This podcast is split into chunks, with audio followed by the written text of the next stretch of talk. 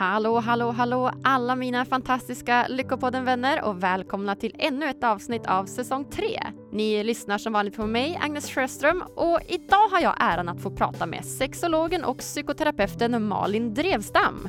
Jag tror att de flesta av er känner igen henne från TV. Hon har varit med i bland annat Malou efter 10.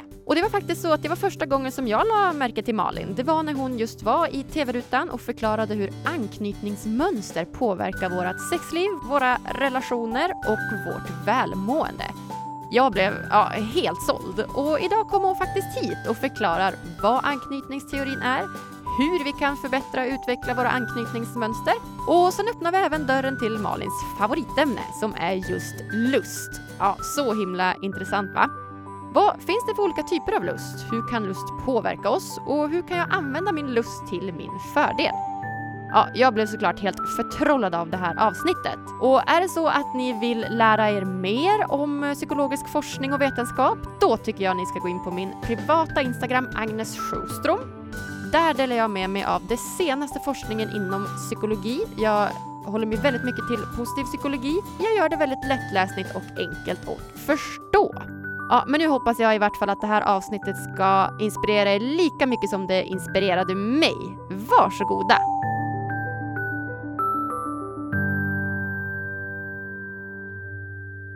Då säger jag välkommen till Lyckopodden Malin Drevstam! Tackar, tackar. Gud vad kul att ha dig här Malin! Ja, spännande. Äntligen ska vi få prata om mitt favoritämne, anknytningsteorin. Ja, den är intressant, eller hur? Ja, den är så intressant. Mm. Det var egentligen anknytningsteorin som var som den första psykologiska funktionen som fick mig att vilja fortsätta läsa psykologi. Jaha, vad kul! Ja, ja. jag tycker det är så spännande. Hur kom det sig att du blev intresserad av anknytningsteorin? Det var faktiskt när jag jobbade som kurator på en sex och samlevnadsmottagning på Danderyds sjukhus där jag träffade människor som hade haft eh, infektioner, könssjukdomar av olika slag. Och då arbetade jag med smittspårning och smittspårning handlar om att kartlägga hur personen kan ha blivit smittad och vilka personer personen kan ha smittat. Och då kan man undra vad har könssjukdomar med anknytning att göra? Ja, Men jag träffade väldigt, väldigt många människor, flera hundratals människor där jag väldigt snabbt fick prata om någonting som är så känsligt som vårt sexliv. Och då lade jag märke till att vissa tyckte inte alls att det var känsligt medan andra tyckte det var jättekänsligt. En del beskrev sexliv eller sexuella beteenden som var väldigt destruktiva och eh, sexuella beteenden när de inte hade egentligen riktigt kontroll över vad de hade varit med om eller vad de hade gjort. De till exempel vågade inte be om kondom eller vågade inte säga nej av rädsla för att inte få vara med eller vara kvar med den här personen. Och så. Det blev så tydligt för mig att vi har sex på så många olika sätt och vissa personer har sex och mår verkligen dåligt när de har det och andra skulle vilja ha mer sex men får inte till och vet inte hur de ska hitta lusten. Och det blev väldigt tydligt för mig hur olika vi är relaterat till sex. Och eh, när jag sen studerade min grundläggande psykoterapiutbildning så presenterades anknytningsteorin för mig och den ger verkligen en förklaringsmodell till varför vi reagerar så olika av samma aktivitet, sex. Så att den blev som någon slags raster som träddes över allt jag kunde om mänskligt fungerande och gjorde det begripligt eh, i någon slags förenklad version, helt enkelt. Ja, ja gud så spännande. Ja. Ja, för jag vet att du är ju sexolog och legitimerad psykoterapeut. Stämmer. Och jag känner ju egentligen mest igen dig från tv. Jag vet att du varit med i Malou efter tio till exempel. Ja, precis. Ja. Det var spännande. Ja, jag förstår det. ja, verkligen. Ja, men då fick jag också upp mina ögon för dig och tänkte men Malin hon måste ju få vara med i podden. Det här ja. är ju så intressant. Och sen vet jag att du håller på, eller du är faktiskt klar med en bok också som mm. heter Lust och olust. Precis, om sex, närhet och anknytning är undertiteln. Så att den är ju verkligen kopplad till anknytning. Och när jag jobbar, eller när jag använder anknytningsteorin så gör ju jag det på vuxna relationer, vuxna kärleksrelationer. Um, Vad är anknytningsteorin? Anknytningsteorin kommer från den som grundade teorin, John Bowlby, på 60-talet.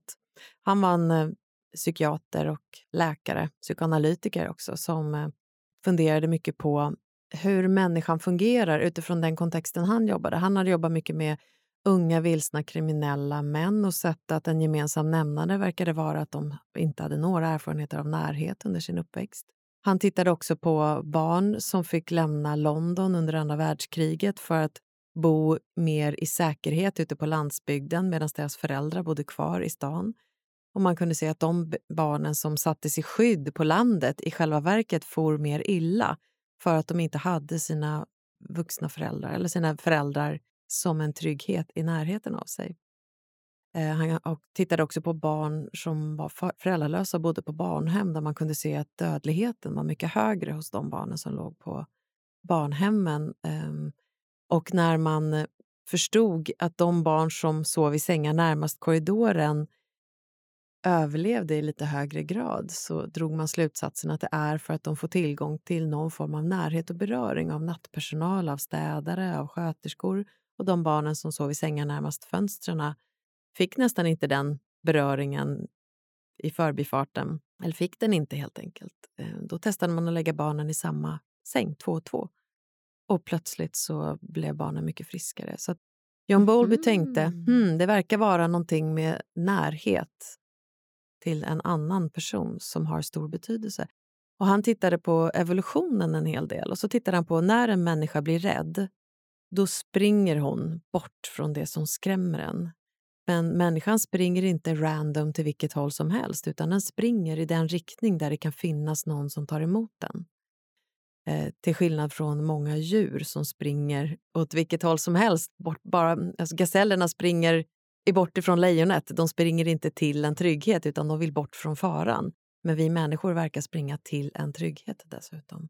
Okej. Okay. Så det verkar ha stor betydelse vem det är som tar emot och att det finns någon som tar emot den när man blir skrämd. Ja, oh, gud vad spännande. Verkligen. Och då kunde man se, han och hans eh, medarbetare Mary Ainsworth kunde då se att hur, hur relationen ser ut till den vi springer till när vi blir rädda kommer forma tankar vi har om hur värdefulla vi är och hur mycket vi kan lita på att andra människor finns där för oss om, om jag har ett värde i livet eller om jag inte är någon som man behöver bry sig om överhuvudtaget. Så hon hittade otrygg och trygg anknytningsstil. Hon kunde dela upp barns beteenden. Ja, men om vi börjar där. Vad, vad finns det för olika anknytningsmönster? Ja, man brukar säga att det finns eh, fyra stycken. Där en är trygg anknytning.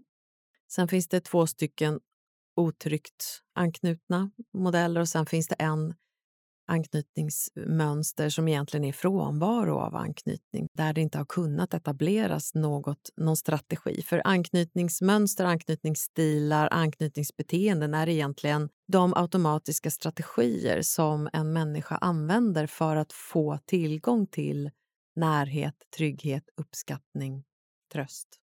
Om vi tittar på den tryggt anknutna så kunde Mary Ainsworth se i ett, en experimentsituation hon tog fram som heter Främmande situationen. Den är, är, är ehm, framtagen ur massor med experiment och observationer hon har gjort mellan föräldrar och små barn. Då, på den tiden, var det väldigt mycket mammor och små barn för att det var mammorna som var hemma med de små barnen. Därför har anknytningsteorin av en del kritiserats för att handla för mycket om just mor och barnrelationen. Men nu har man sett att anknytningsbeteendena blir... Det spelar ingen roll om det är mamman eller pappan. Det är den som är där mest för barnet som barnet knyter an till. Så att knyta an är en biologisk evolutionär drift kan man säga, eller någonting som kickar igång när barnet föds och det behöver omedelbart visa sina behov så att den vuxne ska vilja ta hand om barnet. Det är väldigt svårt för oss att låta bli att ta hand om ett skrikande spädbarn.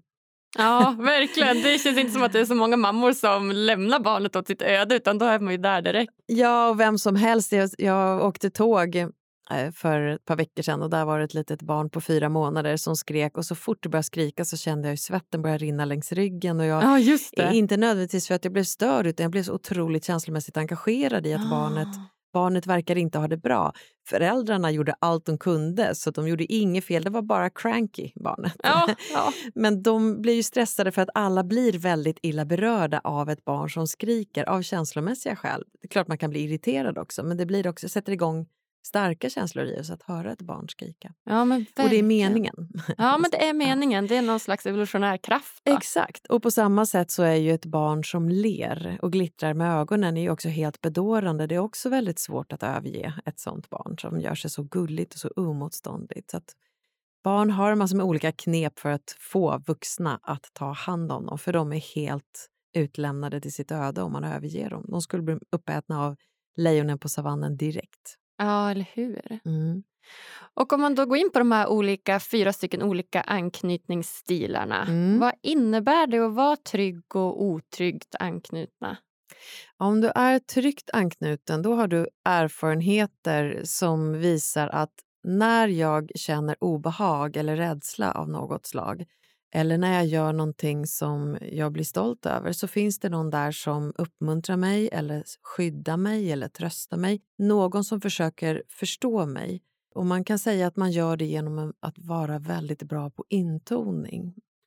Det börjar redan när barnet är väldigt litet, med joller till exempel. Att om, om barnet ligger och skriker, då kommer inte jag in och säger Hej min vän, utan då kommer jag in och säger Oj, min lilla vän, har du mått lite dåligt? Alltså jag tonar in min röst så att den är lugn men fortfarande går barnets röstläge lite grann till mötes. Just Förstår du vad jag menar? Så, Ja. att, så det, man kan säga att när barnet är i starka känslor så går jag dit i den känslan och möter barnet fast med en liten, liten dämpad nivå Ja. så att barnet känner igen sin känsla men inte blir skrämd. För att om jag skulle skrika ännu mer än barnet gör, då skulle ju barnet bli rädd. ja. Så jag visar på något sätt med mitt röstläge att jag Oj min vän, har du lite ont i magen nu? Eller, du verkar trött lilla vän. Ja. Och så, dutti, dutti, dutti, dutti, så. Just det. Man finns där för barnet. Ja, enkelt. precis. Och man visar det med kropps, kroppsuttryck och röstlägen och annat. Och det här är ju långt innan barnet kan prata så att anknytningen sker på ett icke-verbalt sätt. Ja, ja, men exakt. Mm. Och hur skulle du säga att det utspelar sig när man är vuxen? En tryggt anknuten person eh, är en person som eh, vågar dela känslor och eh, kan lyssna in andras känslor som läser av och är närvarande i relationer. Inte hela tiden, för att även en tryggt anknuten person kan bli- drabbad av dagens stress, om vi säger så. Men ju mer tillgång till tankar om att jag är värdefull och andra finns där för mig, desto lugnare vandrar jag genom livet. Om du förstår vad jag menar. Och då Ja. kan man hantera stress oftast på ett mycket mer konstruktivt sätt. Just Och om man tittar på motsatsen, den mest otrygga formen av anknytning är desorganiserat otryggt anknuten.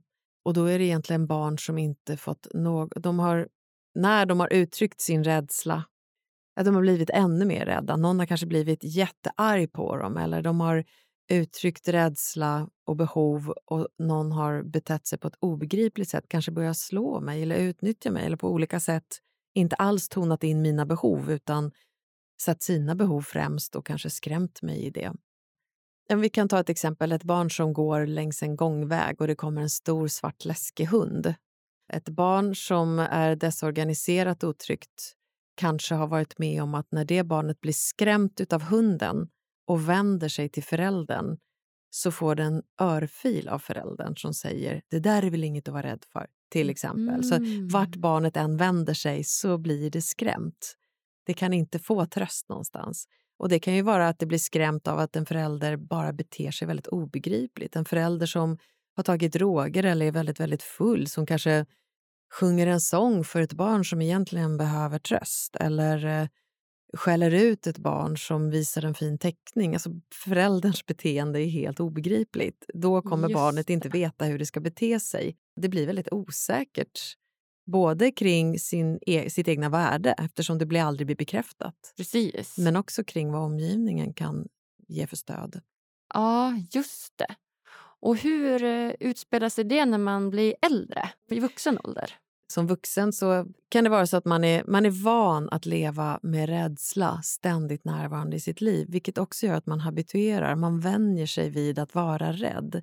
Så att man tänker inte på hur riskutsatt man är i många olika sammanhang. Så man tar ofta mer risker men är inte lika rädd än vad de flesta är. De flesta människor skulle kanske vara rädda i de situationer som den här personen försätter sig i. Men de är så vana vid att vara rädda att de tänker inte på att det kan vara farligt. Och det kan ju vara allt ifrån hur man är rädd om sig själv när man rör sig i farliga miljöer men det kan också vara att man tar risker som kan ha att göra med eh, karriären eller eh, idrotter eller äventyr eller sånt. Jag säger inte att alla som klättrar på Kilimanjaro är otryggt eh, desorganiserade på något sätt. Men Nej. man har en annan relation till rädsla. Den har varit ständigt närvarande och ingen har kunnat hjälpa dig med den. Så att det har blivit som en livskamrat som gör att du utsätter dig själv för farligare saker än vad du kanske borde. Så lite mer riskbenägen? Ja, det skulle jag säga. Så det här är de två ytterlighetsversionerna av, eh, av anknytning, otrygg och trygg anknytning. Och sen finns det två mellanvarianter som är, man kallar dem för otryggt anknutna stilar för att det är strategier som barnet behövt använda sig av för att få lite mer trygghet än vad föräldern verkar ha givit från början. Okej, och vilka är de två? Det är otryggt undvikande och otryggt ambivalent. Och ibland säger man ambivalent eller ängslig. Okej. Man kan vara... Vi kan börja med den. Ja, jättegärna. Mm, den otryggt ambivalenta anknytningsstilen det är eh, som barn har man ofta varit med om en förälder som periodvis har varit väldigt lyhörd och kunnat känna in och stötta och trösta men som vid oförutsägbara tillfällen tappar kontakten med barnet och blir uppslukad av sina egna känslor i stunden. Jag brukar ibland när jag föreläser göra en sketch där vi föreställer oss ett barn som har ramlat. Och barnet har ju massor med känslor inom sig när det ramlar. Det kan ju ha blivit chockat, skrämt, argt, det skäms, det har ont. Det är massor med saker som pågår i barnet och det behöver lite guidning i det av någon trygg vuxen. Men om vi då säger att en förälder till ett otryggt ambivalent barn kanske har kommit fram till barnet. Usch, det var någon som kom när jag ramlade, men när jag väl får stödet av föräldern så är, går föräldern upp i sitt och börjar prata om att det är värdelöst som förälder eller jag skulle aldrig låtit dig balansera på den där stenen. Hur kan jag vara så dålig? Vad ska de säga? Alltså, det handlar om väldigt mycket andra saker, reaktionen, den känslomässiga reaktionen, än om barnet hur det blev för barnet att ramla. Ja, och det kändes också som väldigt mycket hur det var för föräldern. Precis. Alltså hur jag ser på mig själv. Istället Så för förälderns faktiskt... egna behov tar över eh, av olika skäl. Förmodligen för att föräldern själv har en otrygg erfarenhet, en otrygg anknytning. Just Så det. det här tenderar ju att gå lite grann i generationer om man inte uppmärksammar det och tränar om det. Anknytningen är verkligen någonting som går att träna om om man kartlägger hur man brukar reagera och identifierar hur man skulle vilja. Just det. Så den här ambivalenta otrygga anknytningsstilen som vuxen då, då kan man bli man blir väldigt, väldigt mån om att hela tiden pejla in. Du finns väl där för mig? Du överger mig väl inte? Du finns väl där för mig? På ett sätt som eh, kan, små barn kan uppfattas som lite klingiga, men de kan också bråka sig till uppmärksamhet. Någonstans så är hela tiden relationen någonting som är viktigt för barnet och närhet är någonting som barnet är upptaget med att försöka få till. Och en del barn kan ju försöka få närhet genom att vara väldigt anpassliga. Att man gör vad som helst för den andra medan andra barn drar föräldern, eller partnern för den delen som vuxen, drar föräldern till sig eh, genom att eh, eh, vilja connecta hela tiden. Men sen kan man också vara lite på sin vakt för man vet aldrig när föräldern kommer göra en besviken för att det kommer försvinna bort i sina egna behov. du förstår vad jag menar. Ja. Så barnet hinner slappna av lite grann och känna du finns där för mig, men när kommer du göra mig besviken egentligen? Och då blir det en vaksamhet som hela tiden är aktuell inuti personen som, som någon slags inre parabolantenn eller ett nervsystem som är ute och pejlar hela tiden. Just det. Du lämnar mig väl inte, du älskar mig väl? Man har väldigt stort bekräftelsebehov och man pejlar av och läser av relationen hela tiden och försöker ha koll på. Var har jag dig någonstans? Var har jag dig någonstans? Just det. Så det, man kallar det för en hyperaktivering av anknytningssystemet. Okej, så att, har jag förstått det rätt då att eh, om man är ambivalent så är det så att man gärna vill ha mycket bekräftelse och söker mycket närhet Ja. av sin partner eller en förälder. Men att man kanske ändå inte riktigt litar på det och att det, det finns någon liten varningsklocka i en som säger att Nej, men snart kanske den försvinner Mm. igen eller att Mm. man inte kan lita på den. På engelska kallar man det för att vara preoccupied. Ah, Och preoccupied på svenska kan man ju säga är överdrivet upptagen med relationen. ah. Eh, Som Okej. ett sätt att hela tiden optimera närhet och trygghet kan man säga. Just det. Och då har vi motsatta reaktionen eller anknytningsmönstret, stilen, som är otryggt undvikande. Och då är man känslomässigt undvikande och också närhetsundvikande för att närhet leder ofta till obehag av något slag eller besvikelser även i det här fallet. Det kan vara det barnet som kanske gått omkring mycket med darrande underläpp när det varit litet eller det har legat och gråtit men eh, ingen har pejlat in eller tonat in det här barnets behov utan stängt dörren och så har du fått ligga och gråta själv. Eller sagt det där är väl inget att gråta för, till exempel. Mhm. Eller eh, blivit arga, sluta gråt nu. Alltså på något sätt inte mött barnets känslomässiga uttryck.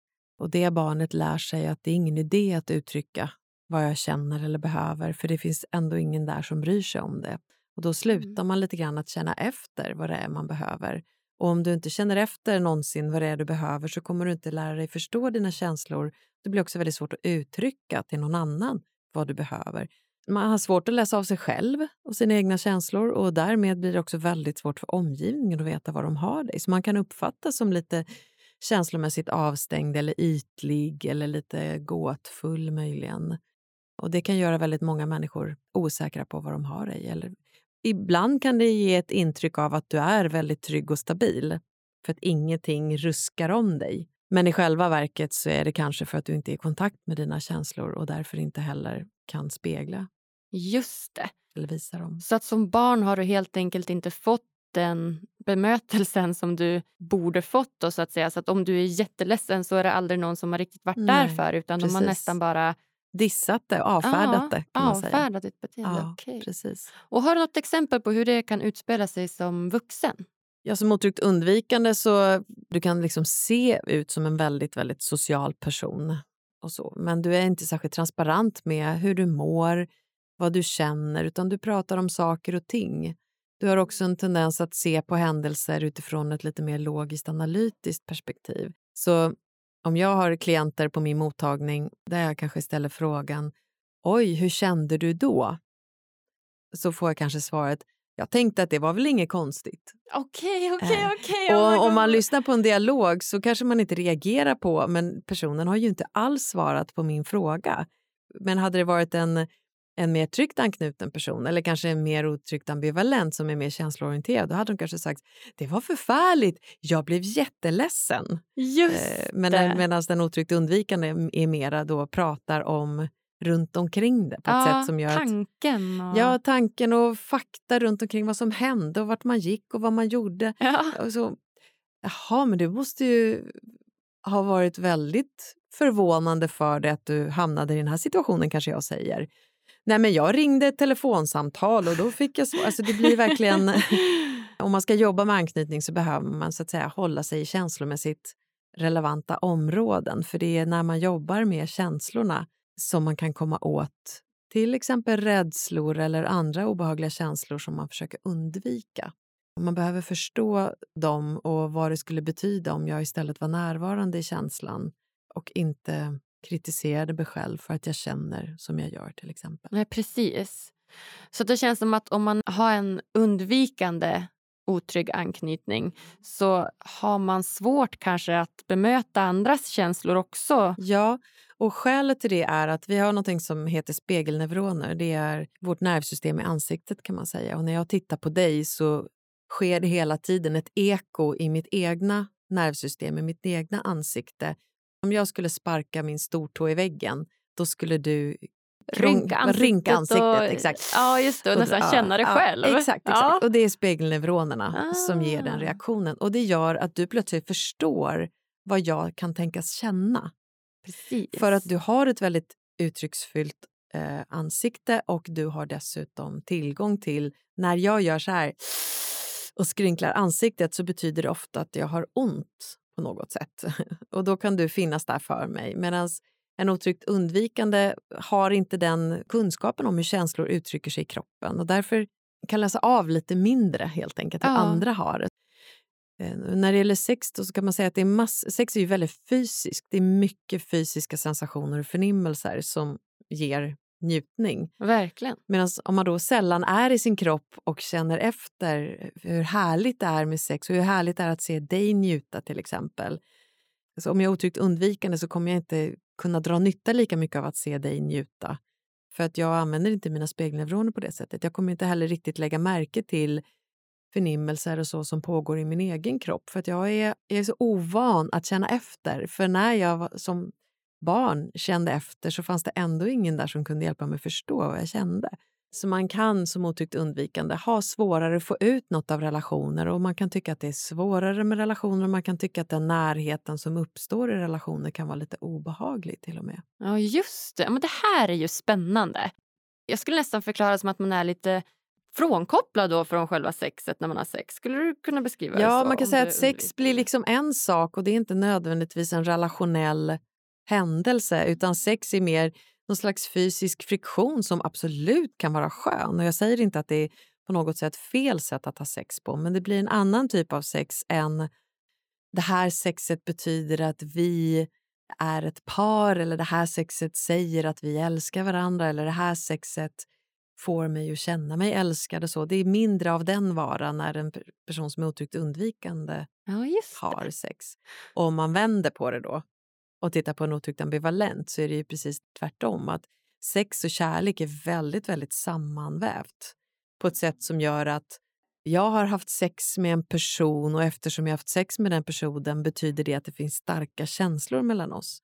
Och det behöver ju inte alltid vara fallet, men man gör ofta den kopplingen att vi har haft sex, alltså älskar vi varandra eller alltså är vi kära i varandra. Medan den man haft sex med kanske har en helt annan syn på sexet man har haft.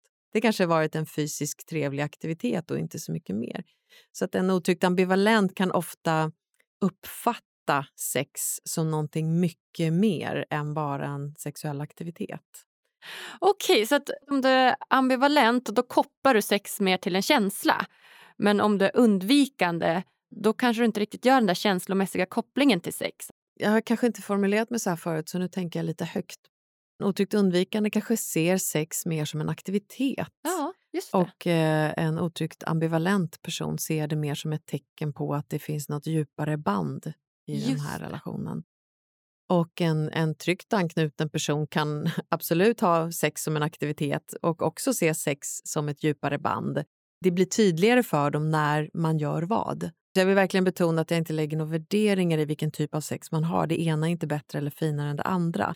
Men eh, när man är tryggt anknuten så vet man nu har jag sex för att det är kul och du är en skön person att ha sex med. Och jag vet också när jag har sex för att nu är det du och jag och mm. vi har sex för att uttrycka en kärlek och vi vill njuta tillsammans och ha det känslomässiga bandet. Och man rör sig lite friare mellan olika sätt. Det är ju jättespännande Malin. och eh, jag tänker du som ändå jobbar med det här eh, dagligen. Kan du se något mönster i någon anknytning som är vanligare än någon annan? Alltså generellt sett är det ju så att tryggt anknutna är ungefär mellan 60 och ibland upp till 70 har jag sett i vissa studier. Så att vi är ju flest tryggt anknutna. Okej, procent av Sveriges befolkning? Av eller? västvärldens av befolkning. Västvärldens ja, precis. Så att de flesta är tryggt anknutna. Ja, det är skönt att veta. Ja, precis. Och sen så är det mm, i Sverige är vi ungefär 20 procent otryggt undvikande och 15 procent otryggt ambivalenta. Någonstans där. Ja, Ungefär. Ja. Och sen är det någonstans upp till 5 procent som är otryggt desorganiserat anknutna. Så det är en liten klick, men de är också väldigt, väldigt otrygga och far väldigt illa. De kan tycka att relationer är väldigt, väldigt svårt om de vill ha relationer och de kan också vara väldigt utsatta i relationer eller utsätta andra. Eh, men eh, jag möter ju många par som kommer till min mottagning där, man, där, där det kan vara så att båda är otryggt anknutna men den ena är otryggt ambivalent och den andra är otryggt undvikande. Och det märks inte när man är i förälskelsefasen. Man ser mindre brister hos varandra när man är nyförälskad och saker är mycket lättare att eh, överkomma, säger man så? Ja, men, ja. Släta över. Släta över, ja. ja. precis. När man är förälskad. Så när förälskelsehormonerna börjar lägga sig och man ska börja leva någon slags vardagsliv tillsammans eller ha en relation som inte är färgad av sus och dus, då kan olikheterna bli mycket tydligare. Där man har till exempel inte lika mycket sex som i början, för man hinner inte. Man måste äta, sova, jobba, umgås med andra och allt det här ja. också. Eh, och då kan det vara så att den som är otryggt ambivalent kan känna sig mindre bekräftad. Och det kan sätta igång en, en, en otrygg känsla som gör att man blir orolig för, älskar du verkligen mig? Eh, och då kan man tänka och känna att bara vi har sex så känner jag mig älskad. Och det kan ju ibland finnas många andra sätt att visa att du är älskad på än att bara ha sex. Vad är det, liksom det vanligaste mönstret man ser i din mottagning? Alltså, vad träffar du mest för människor? Är de mest undvikande, är de mest ambivalenta eller är de trygga? Eller vad, vad ser du att de mest behöver hjälp med? Ja, jag träffar ju alla kategorier. Jag träffar ju par som är tryggt anknutna där eh, det kan finnas eh, andra saker som påverkar sexlivet. Extrem trötthet, sjukdom, det kan finnas förlossningstrauman eller andra typer av trauman och så. Så att man är inte på något sätt vaccinerad från motgångar i livet bara för att man är tryggt anknutna Nej. i en relation. Så jag träffar många tryggt anknutna. Men eh, om vi tittar på eh, otryggt anknutna så träffar jag absolut dem mycket. Jag tror att jag kanske har en liten övervikt på otryggt ambivalenta för att de vill gärna ha hjälp. De ah. söker hjälp, de tror på andra människor, de kanske tror lite mindre på sin egna förmåga. Så att jag ser ju många som är angelägna om att få relationer att funka.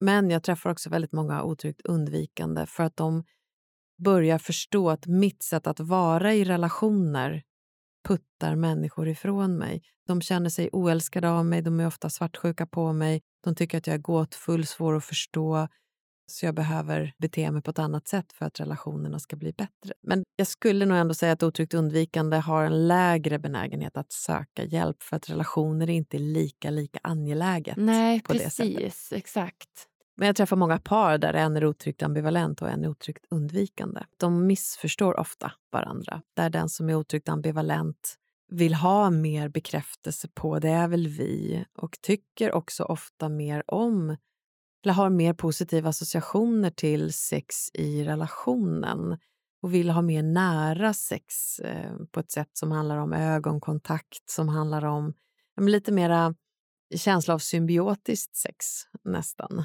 Okej. Okay. Är det vanligt att eh, personer med otrygga anknytningar då dras mot varann? Nej, och alla kan ju träffa alla. Och Nu sitter vi i en podd så jag kan inte visa, men om du tänker dig att man sprider ut anknytnings mönstren fördelat på ett cirkeldiagram så är ju 60 procent lite mer än hälften av det här diagrammet. Och om du då är på ena sidan av cirkeln och på 180 grader på andra sidan cirkeln så är du båda två är fortfarande tryggt anknutna. Men man kan ha en tendens att dra åt olika håll om man blir väldigt pressad. Eh, men jag, har också, jag ser också att många otryggt ambivalenta verkligen dras till otryggt undvikande och vice versa. De som är otryggt undvikande, alltså känslor är ju ofta det som färglägger livet, som gör livet intressant och meningsfullt. Att vi känner saker och ting. Om man går, om man går genom livet utan att vara känslomässigt uppmärksam och närvarande så blir livet ganska enahanda och tråkigt. Så en otryggt undvikande kan ju ofta fastna mycket för en, den känslomässiga eh, närvaron som en otryggt ambivalent har.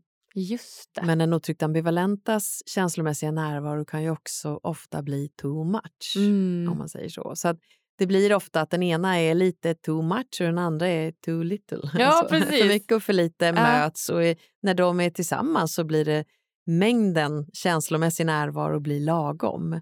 Men man har mycket att lära av varandra för att annars man kommer verkligen missförstå varandra om om den ena sluter sig när den mår dåligt och den andra blir klängig eller väldigt pockande Verkligen. när den mår dåligt ja. så blir det lätt hänt att man missförstår varandra helt enkelt. Ja, men verkligen. Vilken tur det är att det här har blivit så upplyft nu det här med anknytning. Mm. det verkar som att det blir större och större och vanligare och vanligare att prata om. För det känns ju som att då kan man också få hjälp med de här problemen. Exakt, för att även om vi har negativa anknytningserfarenheter med oss som barn så finns det väldigt mycket man kan göra för att ändra dem, för vår hjärna är plastisk. Ja, Men om vi börjar där då. Mm. Eh, för jag tänker, om vi börjar med ambivalent till exempel. Om man är otrygg ambivalent Mm. och då vill bli lite mer trygg kanske för Mm. att för- förbättra välmåendet lite grann. Mm. Hur gör man då? Ja, eh, självbilden hos en otryggt ambivalent är ofta att jag är inte riktigt okej som jag är. Jag klarar inte riktigt, man känner sig lite osjälvständig. Man eh, lägger sin tillit på omgivningen lite för mycket, på sin nära partner. Så att mår man dåligt vill man luta sig mot den andra. Man vill att den andra ska lösa det, ta hand om det, bära det på ett sätt som gör att du får aldrig lära dig hur självständig du egentligen kan vara om man går ner på en specifik situation så kan man väl säga att en, en otryggt ambivalent behöver lära sig att orka härbärgera obehagliga känslor lite, lite mer än vad man har gjort. Okej. Och också att inte vara så självkritisk mot sig själv. Och det kan vara att man eh, tränar på att räkna till tio när man känner någonting. Nu vill jag egentligen bara Ja, eller mot min partner till Ja. exempel. Och så försöka ta in fler perspektiv. Okej, okay, det här kanske uppstår för att... Då ska vi ta något exempel. Om vi tar när jag och min man är ute och åker med båten till exempel. Så har jag erfarenheter att när jag var liten och var ute och seglade, när vi skulle lägga till ibland så blev det väldigt dramatiskt. Vinden kom och tog båten så att det, och det var grynnor överallt och man skulle hoppa land och det var massor med tampar och det var order till höger och vänster. Så det är lite ett stressmoment för mig. Eh, och min man är väldigt van att köra båt, så när vi ska lägga till någonstans så blir han väldigt domderande och kommenderande. Och, så och jag blir i eh, jämlikhetens namn väldigt irriterad över att han ska styra och ställa med mig. Men för Ja. honom är det bara ett praktiskt sätt att vara tydlig och konkret. Hoppa i land där, gör si, gör så. Och då kan jag bli, du ska inte hålla på att tala om för mig vad jag ska... Just det. Och jag, jag som är, om jag är någonting så är jag lite åt det ambivalenta Ja, hållet. okej. Så jag blir väldigt snabbt fylld av känslor och känner att jag behöver göra någonting åt det. Liksom. Jag kan bli väldigt uppriven av en sån situation. Istället för att starta ett gräl när vi har lagt till båten och säga jag gillar inte att du använder den där tonen mot mig och jag tycker inte att du ska så, så kan jag behöva sätta mig lite för mig själv en stund för att lugna ner mig. För att annars vet jag att, att det här skulle bara kunna eskalera. Så då säger jag, jag ska acceptera att du styr och ställer med hur vi gör när vi lägger till. Då behöver du acceptera att jag måste gå undan och lugna ner mina känslor lite grann. För det, jag blir så uppriven inombords. Jag behöver verkligen samla mig, gå undan och samla mig och lugna ner mig lite grann. För att det som händer då är, om man tittar på hur vår hjärna fungerar, så har vi amygdala som är en del av vår gamla reptilhjärna. Det är den som går igång när vi blir rädda och stressade och vi uppfattar hot någonstans. Och när vi blir väldigt rädda då släpper frontalloben sin närvaro. Man blir lite mer korkad, man blir lite mer dum. Och när frontalloben inte är incheckad, det är också den delen som gör oss smarta i sociala sammanhang eh, frontalloben Mm. som gör att vi kan känna empati, som gör att vi kan vara närvarande och ta kloka beslut och så. Så när jag blir väldigt rädd, då blir inte jag den smartaste utan jag behöver gå undan lite grann för att min frontallob ska checka in och Ja. aktiveras igen. Ja. Och det behöver inte så himla många sekunder eller minuter för att det ska hända. Och då behöver jag också respekt för att få det utrymmet. Så att en otryggt ambivalent person behöver oftare jobba med att, eh, att inte agera så snabbt i stunden utan kanske ta några djupa lugnande andetag, kanske klappa sig själv på kinden till och med och säga det är inte konstigt att du blir uppriven av den här stunden. Din rädsla har dragit igång som bara den. Men du vet att det inte är en farlig situation, du vet att du inte är i ett utsatt läge. Så om du andas lite lugnt nu så kommer du snart att vara mycket lugnare. Man behöver liksom lära sig att vara snäll mot sig själv. Ja, men precis. Ja. Så att om man då är ambivalent, det man ska göra då är att lära sig vara lite snäll mot sig själv. Ja. Är man otryggt ambivalent eh, och väldigt otrygg så är ju det här det är ju nästan i princip omöjligt. Så man behöver ju någonstans lära sig ändå att det går att lita på den andra mer än vad du sannolikt har erfarenhet av sen tidigare. Så att våga lita på att den här personen, det den säger, är det okej så är det okej. Träna på att lita på det. Leta inte efter jag vet nog vad du egentligen menar och du kommer säkert svika mig i slutändan i alla fall. Utan våga försöka träna på att du kommer bli okej okay, oavsett och den andra vill dig väl. Och Det här kan ta lång tid, det kan ta flera år att träna upp det här, men det går. Jag har sett det i mitt terapirum om och om, om igen. Men man behöver lägga märke till i vilka situationer triggas min rädsla. Och hur kan jag förstå de situationerna? Jag kanske förstår att det är ett eko av tidigare liknande erfarenheter. Och Då behöver jag förstå att nu är nu och inte samma situation som då. vi tar min situation med båten ja. här. Då så, ja, när jag var liten så, så kunde jag bli lite, väldigt stressad av de här situationerna för att pappa var kapten och lät väldigt beslutsam och jag hade ingen koll på vad som var farligt eller inte utan jag lydde bara order. Men nu när jag är vuxen vet ju jag att Snabba order behöver man ge, för blåser det mycket och det finns grynnor runt omkring då kan man inte stå och dividera och diskutera och ifrågasätta. Det är bara att göra. Just det. Då kan jag ha mycket större förståelse för varför jag blir styrd och ställd med och sen kan jag skratta lite när jag väl har fått lugna ner mig ja. efteråt. Om man säger så. Så att man ska tänka att den andra personen faktiskt vill en mm. väl. Mm. Och det, det, är viktigt då ändå att tänka på att det är inte alltid så att du faktiskt har en relation med en person som vill dig väl. Nej, vad händer då? Ja, då behöver man kanske rådfråga andra.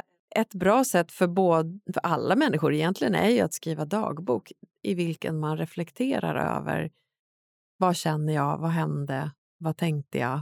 Ja, och sen, den är bra. Ja, för då får man, man sortera lite grann i sina känslor för man kan bli väldigt överväldigande med otryggt ambivalent. Ja. Då behöver man sortera lite och förstå händelseförloppet och reaktionen och hur allting triggar varandra. så att säga. Ja, just det. Ja, spännande. Ja, det är väldigt svårt att förenkla. Det är egentligen, jag jobbar ju som terapeut med relationer och anknytning hela tiden och det är ju ganska omfattande jobb. Ju otryggare du är, desto mer behöver du jobba med din anknytning. Men det viktiga är att du har någon som är lite mer trygg än du, som kan guida dig i det hela. Och har ja. du en vän som du kan bolla en situation med. Du, jag undrar om jag överreagerade. Jag skickade 20 sms när min partner kom 30 minuter för sent. Var det lite too much? Just det. Ja, om jag hade fått 20 sms på en halvtimme hade jag kanske... Så, lite sådär hitta ja. guidning i vad är, vad är ett sunt sätt ja. att att komma nära en annan människa. Ja, men för det låter ju verkligen som att om du är den här ambivalenta personen och du blir lätt lite överväldigande mm. mot en annan människa och du kanske skickar 20 sms som du säger ja. så låter det någonstans som att då, ja, men börja reflektera, skriva dagbok, räkna till tio och bli mm. lite mer eftertänksam. Och snäll mot dig själv. Göra lugnande saker så att ditt nervsystem lugnar ner sig helt enkelt för det är alldeles uppspidat ofta. Hur gör man för att vara snäll mot sig själv? Jag jobbar mycket compassion-fokuserat. Eh, det kan man göra genom att visualisera sig själv. Om vi säger att du ser dig själv som en... Nu sitter jag här och jag är alldeles upprörd, hjärtat dunkar och jag tänker, har det tagit slut nu eller? Då kan jag andas lugnt och sen föreställa mig att en annan version av mig själv kommer in i stunden. Mm. En kärleksfull och omtänksam och tröstande och stöttande version av mig själv kan säga jag förstår att du är upprörd och det är inte konstigt att vara upprörd i en sån här situation. Du vill ju inget hellre än att vara nära och nu är du osäker på om du har någon nära dig eller inte eller om det är slut. Det är en jättetuff situation och många människor skulle känna igen sig i din situation. Och att på något sätt så prata vänligt och stöttande till sig själv. Och det kan man göra genom eh, brevskrivande, att skriva ett omtänksamt brev till sig själv till exempel. För att få inre röster som är snälla och omtänksamma och inte dömande eller hånande eller kritiserande, vilket vi ofta hamnar i. Ja men exakt. Mm. Så att när vi då får den här känslostormen om att Åh, han kommer lämna mig, han har inte svarat på mina 20 sms. Ja. Då kan man försöka medvetet att prata lite logiskt med sig själv. Och, så här, ja, men... och inte bara logiskt utan Nej. verkligen med värme och vänlighet ah. och omtänksamhet. Och absolut, man kan säga att det är helt begripligt att du känner så här i den här situationen. Eller om det utifrån sett inte verkar särskilt begripligt så kan man säga med tanke på vad du har varit med om tidigare i ditt liv så är det inte så konstigt att du reagerar så här starkt i den här situationen. Just det. Men det betyder inte att din reaktion säger någonting om, om hur det faktiskt är just nu. Personen kanske verkligen behöver prioritera den här resan eller eh, vad det nu kan vara. Och det betyder inte att hen älskar dig mindre för det. Ja, men precis. Mm. Ja, men jättebra, Malin.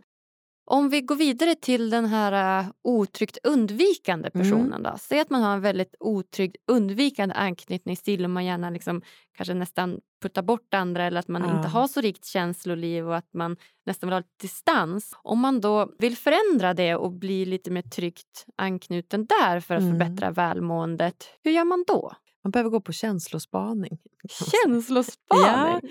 Lite så, lägga märke till eh, vad är det jag egentligen känner? Hur reagerar min kropp? I alla situationer där det inte riktigt blir som du tänkt dig, där du blir förvånad eller förvirrad eller förskräckt kanske, stanna upp lite och ta reda på vad var det för situation? Vad hände egentligen? Vad tänkte du? Vad kände du? Hur var din kropp? Var den spänd, avslappnad, ilade det, pirrade? Var den varm? Blev den kall? Tappade du kontakten med den eller blev du alldeles eh, varm? Vilka impulser fick du i stunden? Så att verkligen kartlägga alla dina reaktioner för då kommer du bli mer medveten om vad som faktiskt händer i varje situation. Om jag skulle fråga dig Agnes, om vi låtsas att du sällan kör bil och så har du hyrt en bil och sen är det lite halt och så märker du att shit, jag höll på att krocka. Du ställer dig på bromsen och tvärnitar. Kan du så här när vi sitter och pratar föreställa dig hur din kropp skulle känna sig i ett sånt ögonblick? Ja, eh, om jag då pallnitar och verkligen trycker på bromsen och bara Ja. åh gud nu höll jag på att krocka. Ja. Då hade jag nog fryst lite grann till is. Jag Mm. nästan stannar till och blir bara jätteförvånad och nästan kall i kroppen. Exakt. Det är sånt här man kan behöva göra. Jag vet om jag skulle vara med i samma situation, då har jag lagt märke till att jag får som ilningar i mina tår. Ja, lite ilningar. Ja, Ja. Och, och då vet du så här, ilningar i tårna, det måste betyda att jag precis har varit rädd. Vad var det som hände innan jag blev rädd? Ja, just det, jag höll ju på att krocka. Så då om jag får ilningar i tårna någon annan gång så förstår jag, oh, det verkar tydligen vara känslan rädsla lite grann inblandat här. Så ju mer man lägger märke till att kroppen skickar massor med signaler till mig, det kan ju också vara lust. Lust och pirr, där personer som går på den här känslospaningen och har lust i fokus, eller lyckospaning, så blir mer medveten om hur känns det i min kropp när jag är med om de här situationerna. Inom compassion-fokuserad terapi så pratar man om eh, olika former av känsloregleringssystem där man har ett drivsystem, ett aktiverande system och sen har man ett återhämtningssystem, ett trygghetssystem. Och jag brukar ibland förkorta dem väldigt mycket. Så, när vi är i vårt drivsystem då är, drivs vi av nyfikenhet, intresse. Vi drivs också av status, prestation. Vi vill ha lösningar. Det ska hända saker. Vi är väldigt mycket i detta system, i det samhället vi lever i idag. Jag brukar kalla det för JA! Ja-systemet. Okej. Sen finns det andra systemet som är vårt trygghetssystem, vårt glädjesystem, vårt sociala system, vårt närvarosystem, vårt vilosystem. Rest and digest kallar man ofta det för inom eh, det här mera ah-systemet.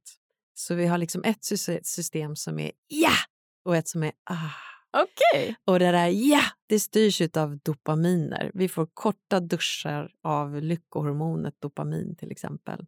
Så det är en typ av lycka som är kortvarig men som ska få oss att tycka att det här vi gör är så himla härligt att det vill vi göra igen.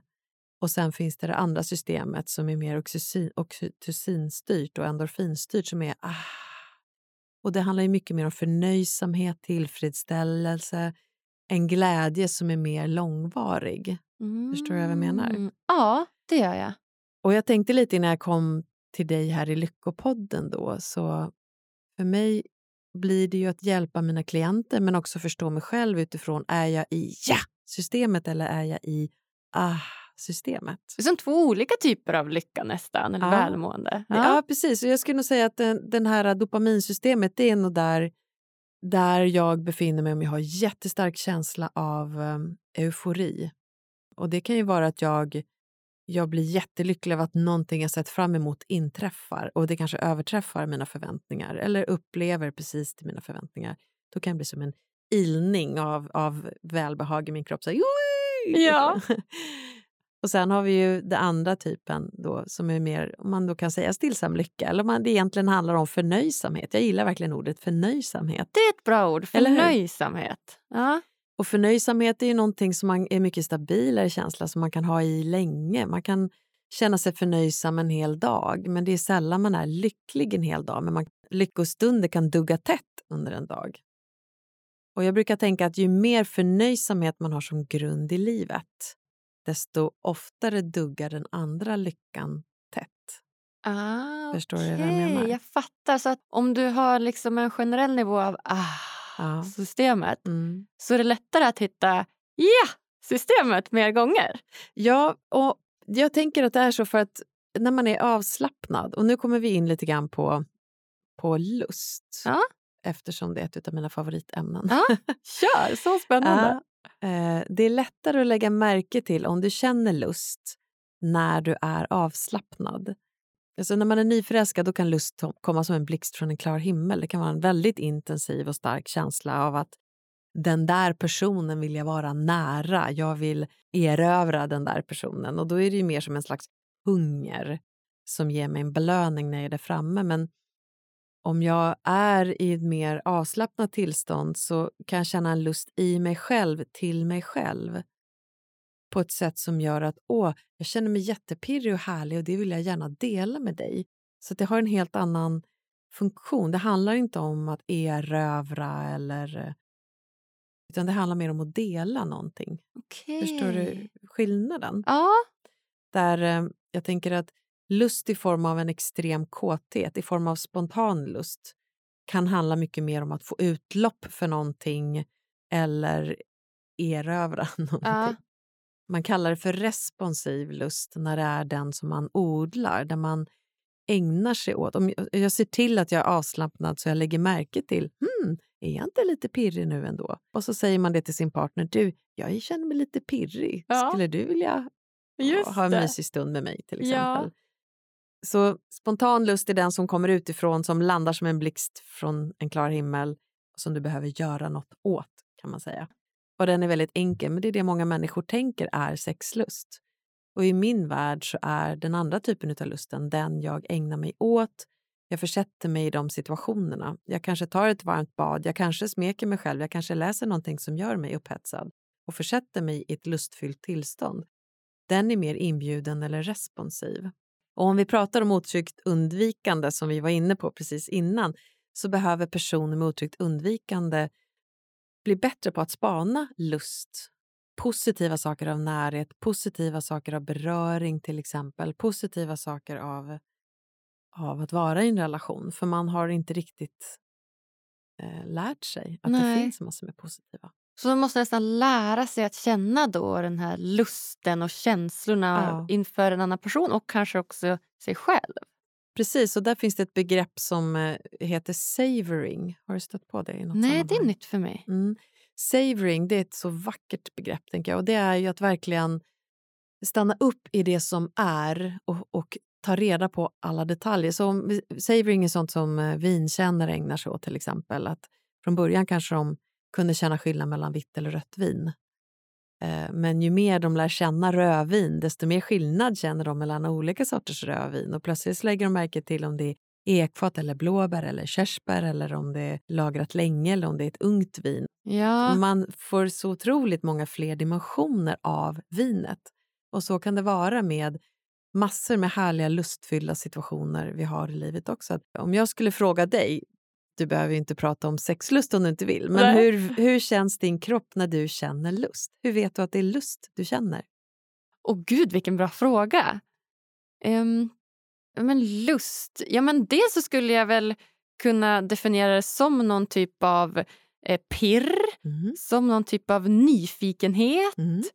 Jag ser det som en väldigt positiv känsla. Mm. Kanske lite värme eller liksom ett sökande efter någonting, positiva känslor. Mm.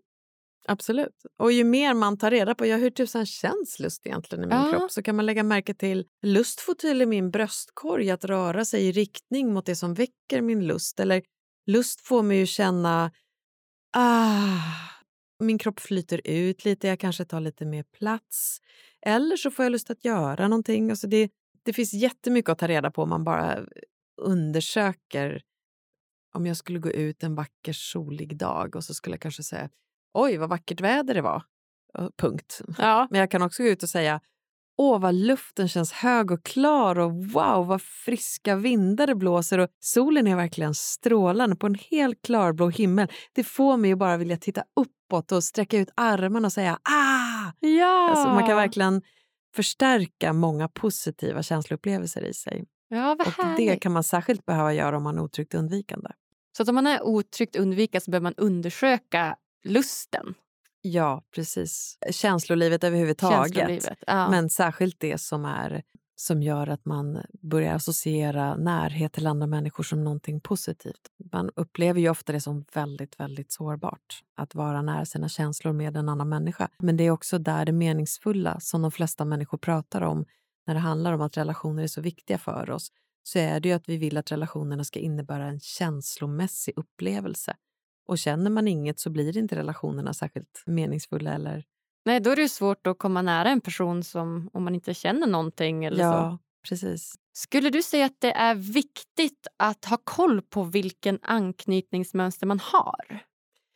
Det är en jättebra fråga faktiskt. För att det är en risk med att belysa den här teorin, för det är ju ändå bara en teori, det är ju att man eh, kanske problematisera någonting som inte är problematiskt. Så jag skulle verkligen vilja säga att om du har svårt med relationer, tycker att du alltid faller för en viss typ av person eller att du själv alltid utvecklar en viss typ av beteende i relationer eller kanske har svårt att träffa någon överhuvudtaget, då är det värdefullt att ta reda på kan det ha att göra med mina anknytningserfarenheter? Är det så att jag tycker närhet är lite läskigt, obehagligt, att det får mig att gå, gå och förbereda mig på att bli besviken hela tiden? Eller är det så att jag inte kan vara själv överhuvudtaget utan alltid måste ha en relation? Vad säger det om min självständighetsförmåga och hur kan det drabba mina partners att jag alltid gör dem till det viktigaste i mitt liv till exempel? Så att, eh, nej, jag tycker inte att alla måste ha koll på sin anknytningsstil. Men om du tycker att relationer är kluriga, då kan det finnas ett stort värde att ha mer koll på sin anknytningsstil.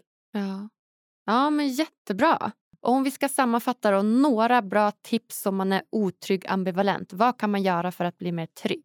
Är man otryggt ambivalent så handlar det väldigt mycket om att förstärka din självtillit. Eh, att du, du är mer okej än vad du tror och eh, andra människor kanske ibland kan uppleva det som att du lutar dig mot dem för mycket och du kan behålla relationer längre om du inte blir så upptagen med att bevaka relationen. Eller, sitt- utan våga ha lite mer space i relationen, skulle man kanske säga. Och våga lita på att du, du är mer okej. Du, du behöver inte alltid någon annan som ska ta hand om dina känslomässiga behov, utan försök vara snällare mot dig själv. Försök jobba med lugnande andning. Det finns många saker man kan göra som jag inte riktigt hinner eh, ta upp här. Men man kan titta i min bok, man kan titta i många böcker som, som handlar om eh, hur reglerar jag mitt känsloliv lättare. Just det. Och om du då är eh, otrygg undvikande, vad Ja. har du för tips då man kan göra för att bli lite mer trygg? Att bli mer uppmärksam på vilka känslor jag har och hur de uttrycker sig i kroppen. Och även bli bättre på att förmedla dem till en eventuell relation eller nära relationer.